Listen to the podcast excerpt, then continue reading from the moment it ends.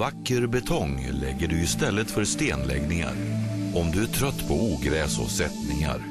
Vår markbetong ger dig en uteplats som tål att köra bil på. Och till och med kan högtryckstvättas. Fast kvadratmeterpris oavsett mönster och färg.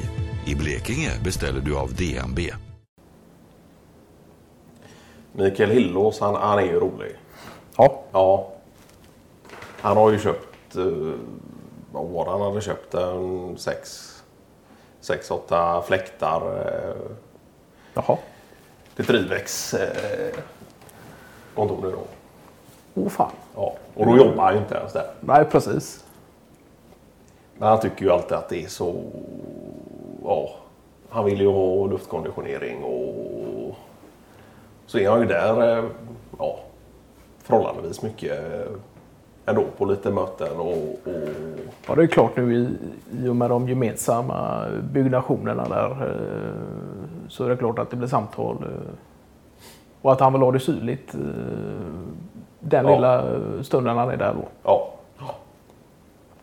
Nej, så han hade kommit om morgonen där och, och lastat av detta då och bara lämnat en ja, någon post-it-lapp då med meddelande att detta är från Illås och se till att sätta upp det innan måndag då. Ja, var det golfstående fläktar då eller var det... De var golfstående ja.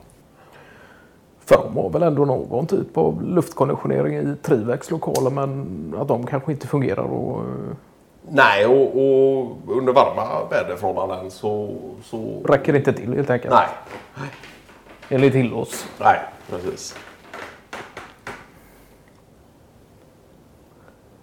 Jag vet inte om det var Olskog som sa det någon gång när han hade åkt med Hillås där eh, i, i hans bil och, och då hade ju AC'n stått på full sprutt och Ja.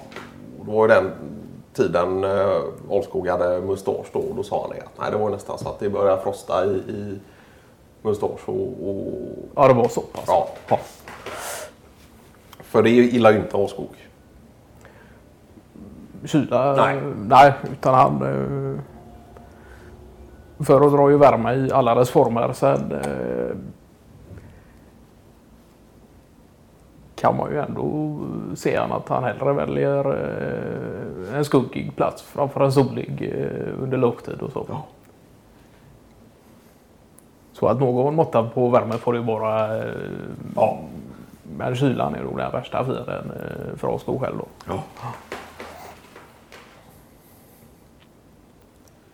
Han är ju inte sen med att påpeka det också att AC'n den bidrar ju till bränsleförbrukning och Där är det klart att den har ju, den har ju en power i sig som Ja. kräver energi för att dra igång. Så att det är ju...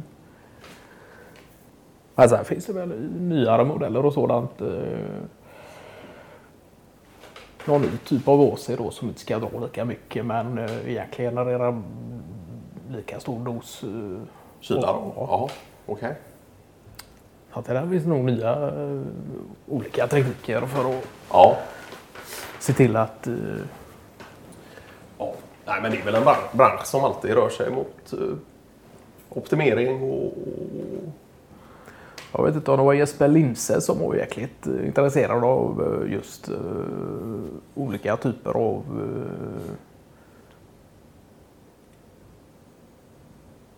inte just reglering av eh, redan ditsatt AC utan eh, från början eh, tänka ut olika typer av nedsylningsmetoder som är så energisnåla som möjligt. Då. Och det var ju något han brann för. Ja. Eller fortfarande brinner för. Ja, just det. ja, men han hade väl varit där i Åskåks bil och pluggat in någon... Någon liten ja, USB-fläkt och, och Ja, just det. Satt på instrumentbrädan och... Så ju en extern fläkt Ja. egentligen då. Någon typ av fläkt ska det vara. Ja. Nej, men han är rolig, Jesper Linse. Han, eh, Han har alltid framåtkant och håller på med nya olika eh, typer av idéer. Och, och Ja. Finns det ett frågetecken så är han gärna den första som eh, kommer med ett svar eh, Ja. eller liknande och i alla fall en chansning. Och, eh, han är ju driven på det sättet. Ja. Han har ju sagt det att han vill ju han vill ju byta plats. Han vill ju skifta frågetecknet till ett utropstecken då. Ja, just det. Och det beskriver väl ganska mycket vem Lindsey är. Men där kan man väl egentligen, om man skulle jämföra Hillås med Winster där, så är det väl egentligen två olika typer av characters. i- Ja, Men som har en sak gemensamt och det är ju egentligen eh, lusten till olika competitions och, och liknande. Och Ja. just uh, Hillås som kanske mer uh, som sagt känner för att gå utanför comfortzonen. Och Ja. Medan Linse uh, kanske inte går riktigt den vägen utan uh, men ändå uh, han håller sig ju inom... Ja, han vill väl på något sätt kanske optimera komfortzonen då istället för att gå utanför den. Och, och, Ja, just det.